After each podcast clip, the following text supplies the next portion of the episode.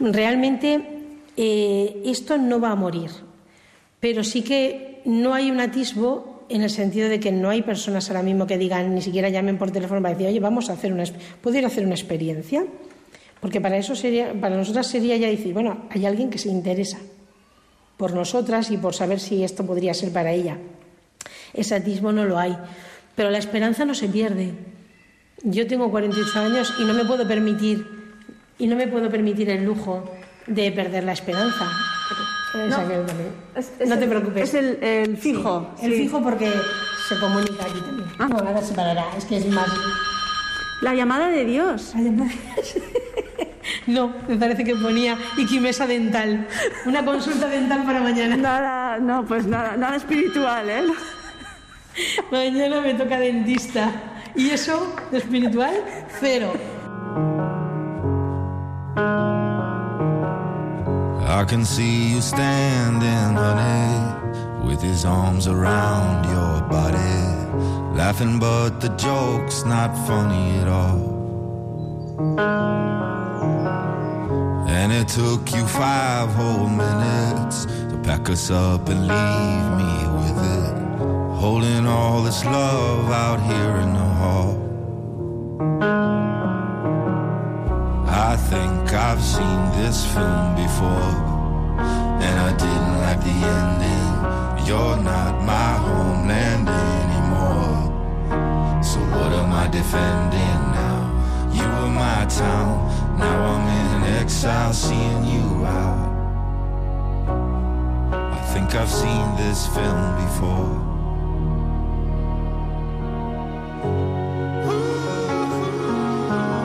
Seres y estares. Un retrato de la sociedad anónima con Merche Guillén.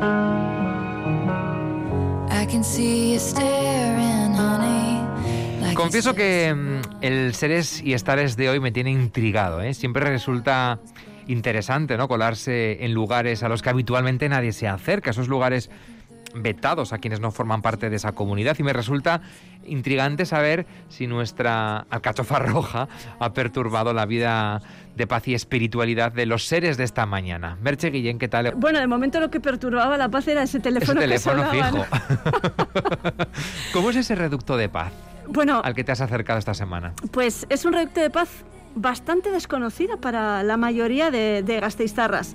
Hoy queremos reflexionar sobre, sobre lo que supone en nuestra sociedad actual, que está llena de estímulos por todas partes, vivir en el silencio, en la contemplación y en la introspección y que todo eso ocupe la vida completa de, una persona durante toda su vida. No un momento determinado, sino es el leitmotiv, ¿no? Eso es.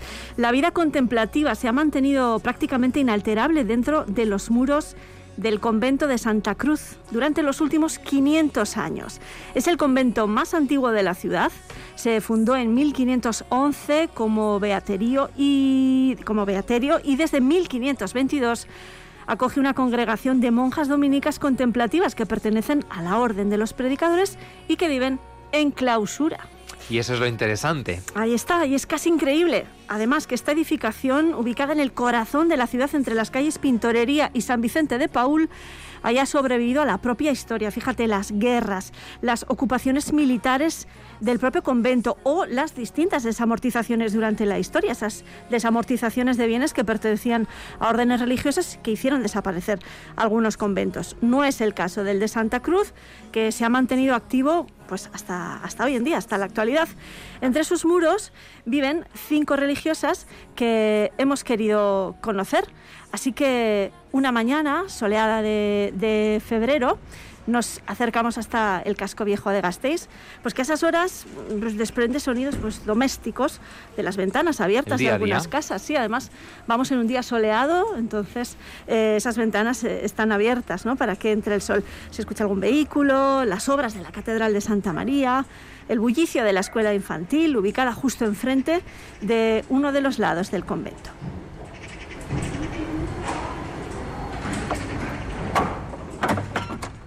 Buenos días. Hola, buenos días. ¿Qué tal estás? Muy bien.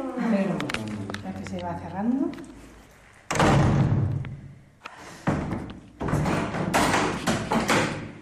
Bueno, está lleno de... Eh, mm, cerrajes, cerrajes, y antiguos, porque claro, porque al final son puertas antiguas. Esa es antigua, esta no es tan moderna. Madre mía.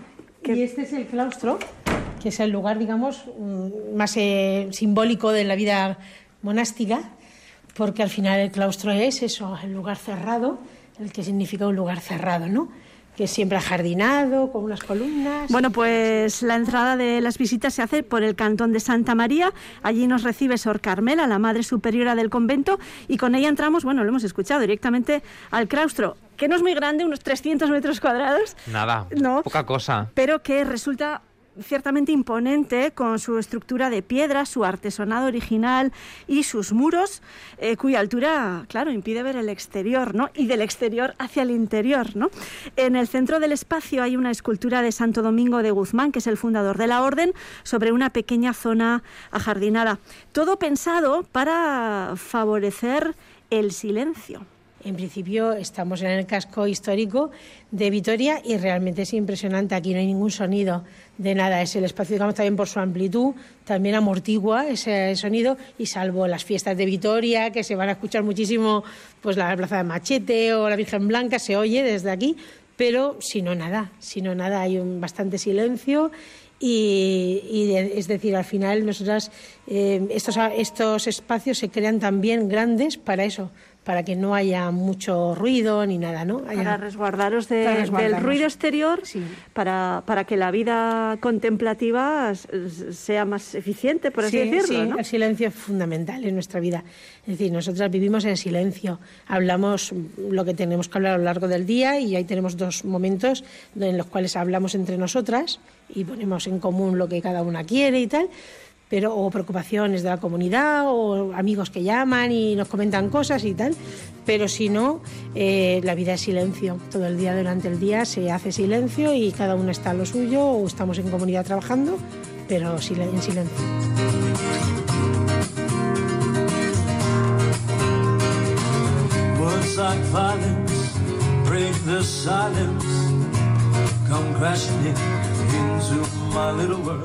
Es literalmente un reducto de paz y de, silencio, ¿no? Donde cuando cierras esas puertas eh, al, llegar al convento se escucha perfectamente el sonido de, esos cerrojos y, de repente todo el sonido exterior desaparece. Bueno, desaparece. En cierta manera, porque las obras de Santa María están ahí. Con lo bulliciosas que son nuestras ciudades, ¿no? Cuesta pensar que en el casco viejo hay un lugar donde reina el silencio, donde se vive completamente en silencio. Sí, sí, sí, sí.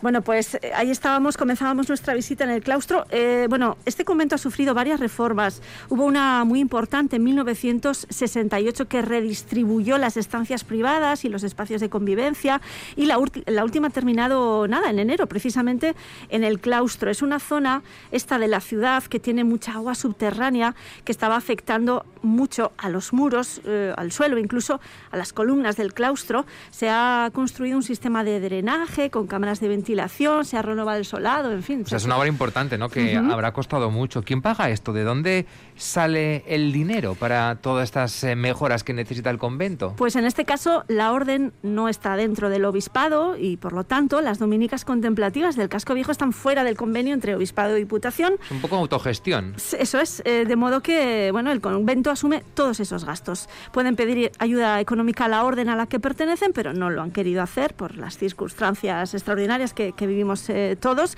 Han vendido patrimonio, han recibido donaciones particulares, también tienen ingresos de pequeños trabajos que realizan, como el de envolver bombones de Goya. ¿sí?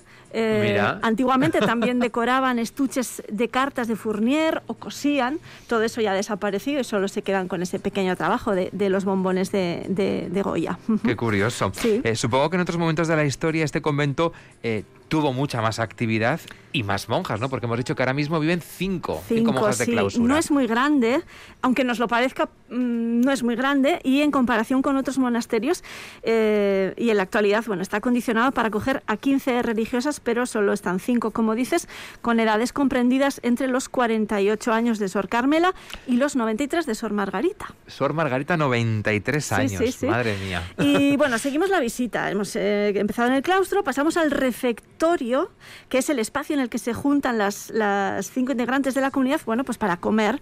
Hay una persona que va a ayudarles con la comida y la limpieza, pero ellas también preparan guisos, aperitivos, postres en ocasiones especiales, claro. Claro, hay que tener en cuenta en, toda esta historia, en este Seres y Estares, que estamos visitando un convento de clausura, donde reina el silencio, como decíamos, y con todo lo que eso conlleva, ¿no? Perturbar eh, la paz de cinco monjas que viven de clausura. Claro, por ejemplo, en, la entrada, por donde hemos entrado, eh, hay un torno en el que, por el que antiguamente se comunicaban eh, las monjas de la comunidad con, el exterior. Ni tan siquiera se, veían, ¿no? viven, viven en clausura, como digo, pero bueno, pueden salir, por ejemplo, evidentemente, a, visitar al médico, por ejemplo al dentista. la que más sale es precisamente Sor Carmela. Bueno, pues para hacer la compra, para ir al banco o al médico. Ella, claro, explica que sale por necesidad. Yo soy la que más salgo porque ahora mismo yo soy la superiora y es lo que la que estoy haciendo las veces de un poco de representación legal de este monasterio. Entonces tengo que estar pues en los, los sitios, en las instancias, en bancos y demás, haciendo cositas, ¿no?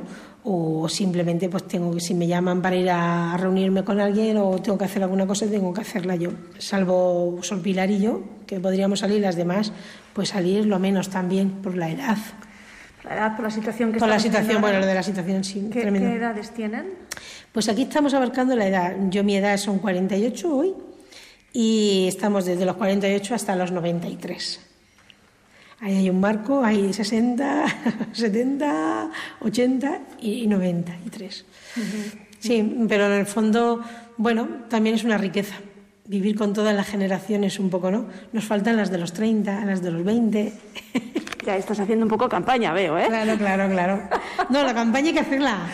Hay mucho, mucho, hacia tiempo y a destiempo. Pero bueno, también es un tiempo también de respetar, que la gente también tiene que buscar su lugar y su sitio en la vida. Es no hay que forzar acontecimientos y Dios va poniendo también el momento, el, cuando la persona lo necesita. Vamos conociendo personas que ya van acercándose más a esta vida, no con interés de entrar, pero sí con, la búsqueda del lugar donde se encuentran bien. A día de hoy, eh, una persona de, bueno, de 20, 30 años, ¿qué le puede llevar a ingresar en una orden eh, monacal como la vuestra, una, orden religiosa como la vuestra, con, estas características de clausura? Mm. Yo creo que las personas eh, ahora mismo de 20, 30 hasta 18, vamos a marcar 18, de 18, por ejemplo, hasta 35 años, yo creo que todas todo ese grupo de personas que hemos, hemos tenido esa edad, todos hemos estado buscando cuál era el lugar donde nos encontrábamos bien o cuál es el grupo, sobre todo el grupo a veces, pero el grupo de personas con las cuales estamos a gusto. Es muy importante, por eso el grupo de amigos, por eso el grupo de personas con las cuales nos sentimos con una cierta afinidad, una cierta mm, sintonía, por lo que sea, los mismos gustos, los mismos... Y yo creo que eso lo tenemos todos y todos debemos de intentar buscar dónde está ese grupo o dónde está esa, ese lugar, sobre todo, donde yo me puedo me puedo sentir bien o donde yo me puedo encuadrar, decir, o me puedo enmarcar. ¿Cuál es mi estado de vida en el fondo? Y yo creo que eso es una pregunta que hay que hacérsela a esa edad, creo que es fundamental. Entonces la vida religiosa o el estado monacal pues viene ahí a ese punto donde la persona puede decir, bueno, ¿por qué no probar?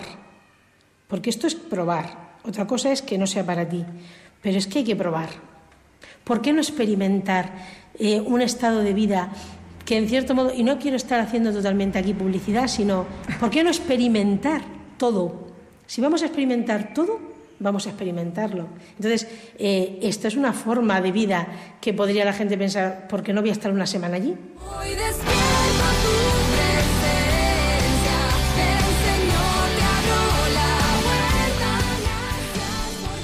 ¿No? Ahí está. Ahí está. Sí, fíjate que los años, eh, pues eso, cuando uno tiene 18, 19, 20, son edades en las que eh, te haces muchas preguntas, quizás no sabes todavía hacia dónde quieres ir pero no sé, eh, preguntarte cuál es el estado de vida, de mi vida. Sí, sí, no, son preguntas muy trascendentales. Son muy trascendentales, no sé, para esas edades, ¿no? Lo de experimentar todo, no sé si entra, ¿no? experimentar con con esto, ¿no? Y sentir esa llamada a la vocación. A... Sí, sí. Bueno, pues eh, la, hermana Carmela habla de esa oferta de estancias temporales para probar y, de la falta de, de vocación. No podemos ir cualquiera, evidentemente, a hacer esas experiencias. ¿no? no es una hospedería, es un espacio eh, privado que ellas ceden ¿no? para personas que realmente tengan un interés en, bueno, en, probar ¿no? ese, ese, mundo contemplativo y ese mundo eh, religioso. Bueno, hemos conocido el claustro, el, refectorio, y visitamos también la biblioteca. Tiene más de 7.000 volúmenes eclesiásticos, también libros laicos, un fondo moderno y otro antiguo con cantorales enormes, de esos gigantes que, que pesan un quintal. Bueno, pues de esos también eh, con tapas de piel de vaca. Hay códices manuscritos e incluso partituras originales hechas expresamente para el monasterio. Bueno, eso también hemos visitado, pero ahora es el momento de conocer al resto de la comunidad, ¿no? Esas cinco monjas de clausura, Eso es. Eh, las cuatro hermanas que viven juntas Sor Carmela, que ella es la más joven, la más mayor tiene 93 años, como hemos dicho, nos reciben en una sala de trabajo y de encuentro eh, en la que, bueno, pues se reúnen para compartir los ratos del día en los que el silencio se rompe. Para ello atravesamos pasillos, subimos escaleras, hay muchas plantas y flores que decoran los ventanales por los que pasamos y también vemos una aparato eh, un gran aliado de la limpieza en los hogares, pero algo ruidoso para esta comunidad que hasta, eh, bueno, pues sí, sí, un, aparato ruidoso para esta comunidad que, que basa su vida diaria en la contemplación, claro. Y tenemos la rumba. Pues tiene trabajo aquí, ¿eh? Ya, tiene metros, ¿eh? Yo la pongo y está más loca que la carga, porque hace un ruido. Yo pensé que iba a ser silenciosa. No vale para la clausura. Eso no es ruidosa. Para, para la vida contemplativa la rumba no es. No, no. Yo la he bautizado rumba, pero te aseguro que no es nada silenciosa. Dios mío, menos mal que la tenemos en este piso de arriba y no la sentimos, si no... Eh, ¿El ascensor cuántos hay en el convento? Eh, tenemos este solo y un montacargas. Un montacargas en la zona de la cocina. Aquí vengo con Merche, chicas.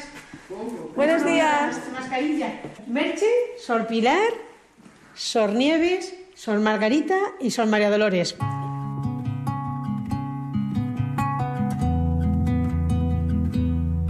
Sor Margarita, ¿cuántos años lleva en este convento?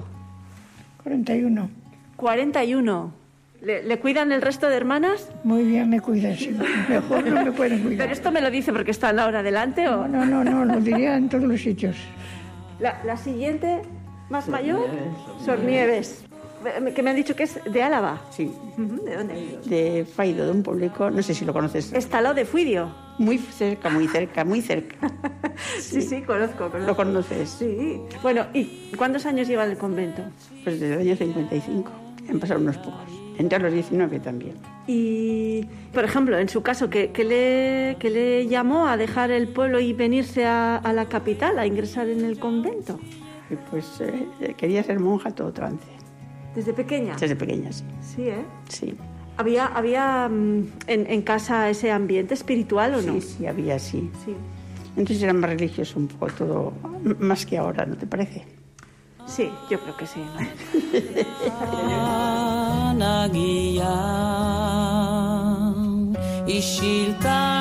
Sor Dolores, ¿usted de dónde es? De Galicia, de la Vía del Tambre, de Muros. ¿Y cuánto tiempo lleva en este convento de Vitoria? ¿Aquí cuánto tiempo llevo?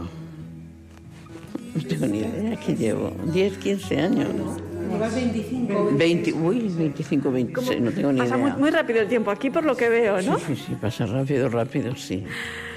Eh, ¿por, qué, ¿por, qué, se marchó de, de, Galicia para ingresar aquí? Porque me pidieron aquí que viniera a ayudarles porque eran pocas, seguimos pocas, pero bueno, yo vine y aquí, aquí estoy. ¿Qué más me da de en un sitio que en el otro? Claro, allí estaba más cerca de mi familia y todo, pero bueno.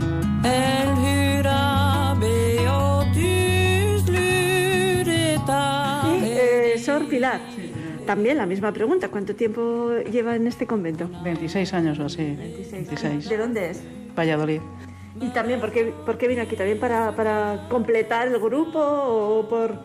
Sí, yo estaba en un movimiento, el camino catecumenal, que estaba en, en la parroquia y, y, bueno, sentí la llamada y conocí a Sor Dolores y, y, una, una experiencia y ya me quedé. ¿Les han vacunado ya del coronavirus? Todavía no. ¿No? ¿Cuándo, ¿Cuándo, toca? No sé, Sor Carmela sabrá. Carmela, Sor Carmela. Voy. Cuando los llamen. Igual ahora nos están llamando. Voy a ver si fueran ellos. Ah, Voy a ver si fueran ellos. Buenos días. Sí. Sí. ¿Cuándo puedes venir? ¿Cuándo puedes venir?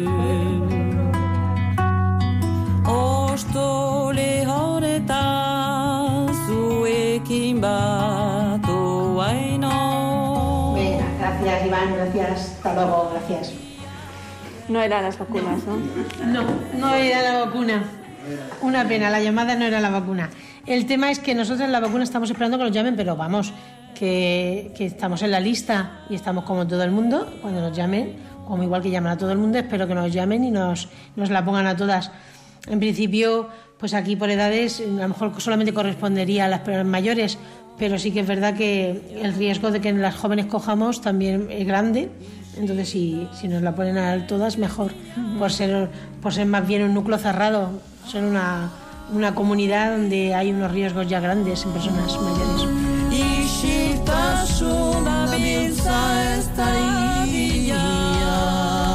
Pues ahí estaban las cinco hermanas y Sorrumba. Sorrumba, ¿no? Las únicas eh, elementos del exterior que perturban la, paz del convento es eh, Sorrumba y, el teléfono. Eso es. Y luego tú, pero bueno, eso ha sido una cosa circunstancial, ¿no? Bueno, hemos escuchado que sintieron la llamada, la vocación, ¿no? Que es algo muy, muy, muy complicado de entender y más en la sociedad actual, ¿no? En el caso de Sor Carmela, por ejemplo, bueno, ya hemos contado que llegó a Gasteiz eh, desde Murcia. Ella tenía 26 años cuando llegó aquí, estuvo primero una semana, luego un par de meses, hasta que eh, se decidió. Y antes de ser monja, ella trabajó como administrativa, tenía una vida normal. Tal vez por eso su decisión no acabó de sentar muy bien en la familia. Mi padre ya había fallecido dos años antes y mi madre muy mal. Pero bueno, mi madre, no sé si, si ya es que estaba bastante afectada por la muerte de mi padre, pero realmente dijo, tú sabrás lo que haces. Esa fue su frase, tú sabrás lo que haces. Esto es casi como cuando, como cuando uno dice que quiere ser artista, eh, ¿no? es un poco lo mismo, ¿no? Cuando uno se dedica a una profesión en la cual los padres se quedan un poco stand-by, como diciendo, ¿y esto de qué va? ¿Esto tiene futuro? Ahí se gana algo, ¿qué provecho tiene esa vida? Pero bueno, eh, es que es una, es una vida vocacional, es lo que te decía. la enfermera tiene un sueldo, pero es un sueldo que no cubre todo lo que ella da. Un artista, uno que se dedica al arte, no cubre porque él está constantemente sacando de todo su ser todo lo que él tiene, el don que ha recibido. Pues esto es igual, el don que he recibido de, no solamente rezar, no solamente rezar, sino de dar la vida con mis pequeños actos de caridad hacia mis hermanas, todo eso no tiene precio, pero no se puede pagar. Y mis hermanos también lo llevaron mal, menos alguno que sí que me apoya y me, me apoyó y me apoya siempre, pero los demás también se quedaron un poco diciendo, madre mía, qué locura, qué locura, Mari. Me dicen Mari allí ellos.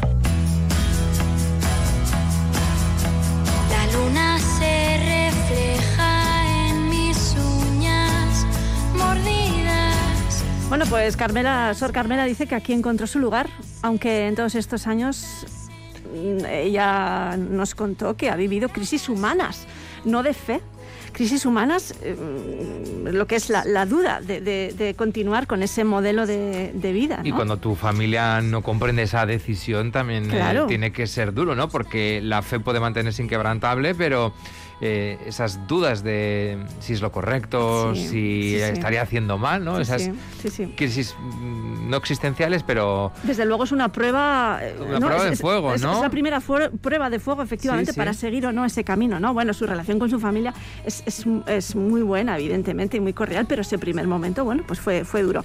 Bueno, seguimos la visita al convento de Santa Cruz, en pleno casco medieval Gasteiztarra. Por cierto, no lo hemos mencionado, pero su iglesia se abre para todo el que quiera visitarla o participar participar de la Eucaristía está en la parte oeste del edificio. Se accede desde la calle Pintorería. Y justo en el extremo contrario, hacia la calle San Vicente de Paul, está el huerto de las Dominicas, un espacio abierto muy amplio, con parte asfaltada y otra parte dedicada a cultivar hortalizas y flores. También en esta parte del convento están las, las lápidas de las monjas fallecidas. En otros monasterios, por ejemplo, están en el suelo del, claustro, pero aquí se encuentran en este jardín. Hay que decir que hasta 1968 el convento ocupaba el espacio entre cantones, es decir, desde el cantón de Santa María hasta el cantón de Santa Ana y en ese año se acometió una importante reforma y se vendió el terreno que hoy ocupan, bueno, pues viviendas y lonjas. Ahora mantienen un amplio jardín intramuros que utilizan mucho en verano. El huerto no lo trabajan ellas, lo trabaja Antonio, que es el encargado de plantar tomates, cebollas, acelgas por decirlo. Los días. Hola, ¿quién es? Antonio. Antonio es este hombre, este hombre que, ah, que, que siembra los tomates. Antonio el jardinero. Claro. Madre mía, he oído maravillas de, ti. Radio Vitoria. Antonio, que vas a salir de Radio Vitoria. Di algo, di algo. Que estaba con Sor Carmela viendo este espacio y ella me estaba explicando todo el trabajo de huerta que, que haces. Bueno, es un entretenimiento. Ya, pero a ellas les viene fenomenal ese entretenimiento en forma de tomates, cebollas, puerros, ¿no? Bueno, no tanto, no tanto, pero porque me gusta es una cosa que siempre me ha atraído. Y, pero ¿cómo entras así en contacto? O sea, ¿cómo, cómo comienza esta relación de, bueno, yo, yo os trabajo la huerta? ¿Cómo, ¿Cómo es esto? Tengo una afición que es cantar. Y vinimos a cantar una vez aquí al, convento de Santa Cruz con el coro Urasoa. Y entonces hablando con las hermanas, pues que tienen una huerta, pues a mí me encantaría cultivarla y siempre me ha gustado, pues así podríamos unos tulipanes, unos jazmines y después también podríamos tomates, pimientos y así comenzamos. El año 2016 creo que fue y así llevamos cinco años aquí luchando, pero no tenemos el sol suficiente. Tenemos siempre, vienen tarde, pero al final cogemos una buena cosecha de tomates. Vamos en octubre, pero mire. Mira a ver si tú que tienes contacto directo, a ver si ese sol de Murcia, sí, ¿eh? a ver si no, yo, ¿eh? ya te un poquito para acá. Sí, yo ya ves, qué tiempo tenemos en febrero. desde luego. Vamos. Lo que pasa es que en mayo, en abril se tuerce, en mayo se tuerce y entonces decimos no planta los tomates porque Antonio es muy prudente y no los planta hasta que ve que va a venir bueno, no como los que plantan en marzo que dicen, bueno, luego viene la pedrada de junio. hielo. Aquí estamos en una provincia que es muy inestable el tiempo en, la primavera. Entonces hay que procurar plantarlos un poco tarde, aunque aquí con los muros y las paredes pues se resguardan bastante. Pero luego, hasta que no llega el mes de mayo, que el sol entra a la huerta, pues no pueden fructificar. Estoy Pues ya ves, Arach, vida contemplativa en pleno casco viejo, con una pequeña comunidad de religiosas dominicas, con Sor Carmela a la cabeza. No nos ha dado tiempo de contarlo detenidamente, pero ojo, tienen página web. Por cierto, mm, he alucinado con la página web. Claro, ¿eh? tienen cuenta de Twitter. Y Sor Carmela, que, que, que, es una mujer, en fin, ya ves, con muchísima Me encanta la imagen que, estamos mm, eh, describiendo de, de, Sor Carmela, ¿no? Muy alejada de quizás la, imagen que tenemos de las monjas de clausura. Una mujer nada introvertida y con mucho que contar. Mm, absolutamente. Bueno, pues Sor Carmela, aparte de todo eso, quiere hacer un podcast. Bueno, pues eh, Sor Carmela le, abrimos las puertas de Radio Victoria. Es una ¿eh? mujer todoterreno, todoterreno cristiano, eso sí, eso sí. bueno, como siempre, mis agradecimientos en este caso a las hermanas, evidentemente, las hermanas Margarita, Nieves, Dolores y Pilar por recibirme en su casa, Antonio, el jardinero, y a Sor Carmela por su vitalidad y su humor. Ahí lo dejamos.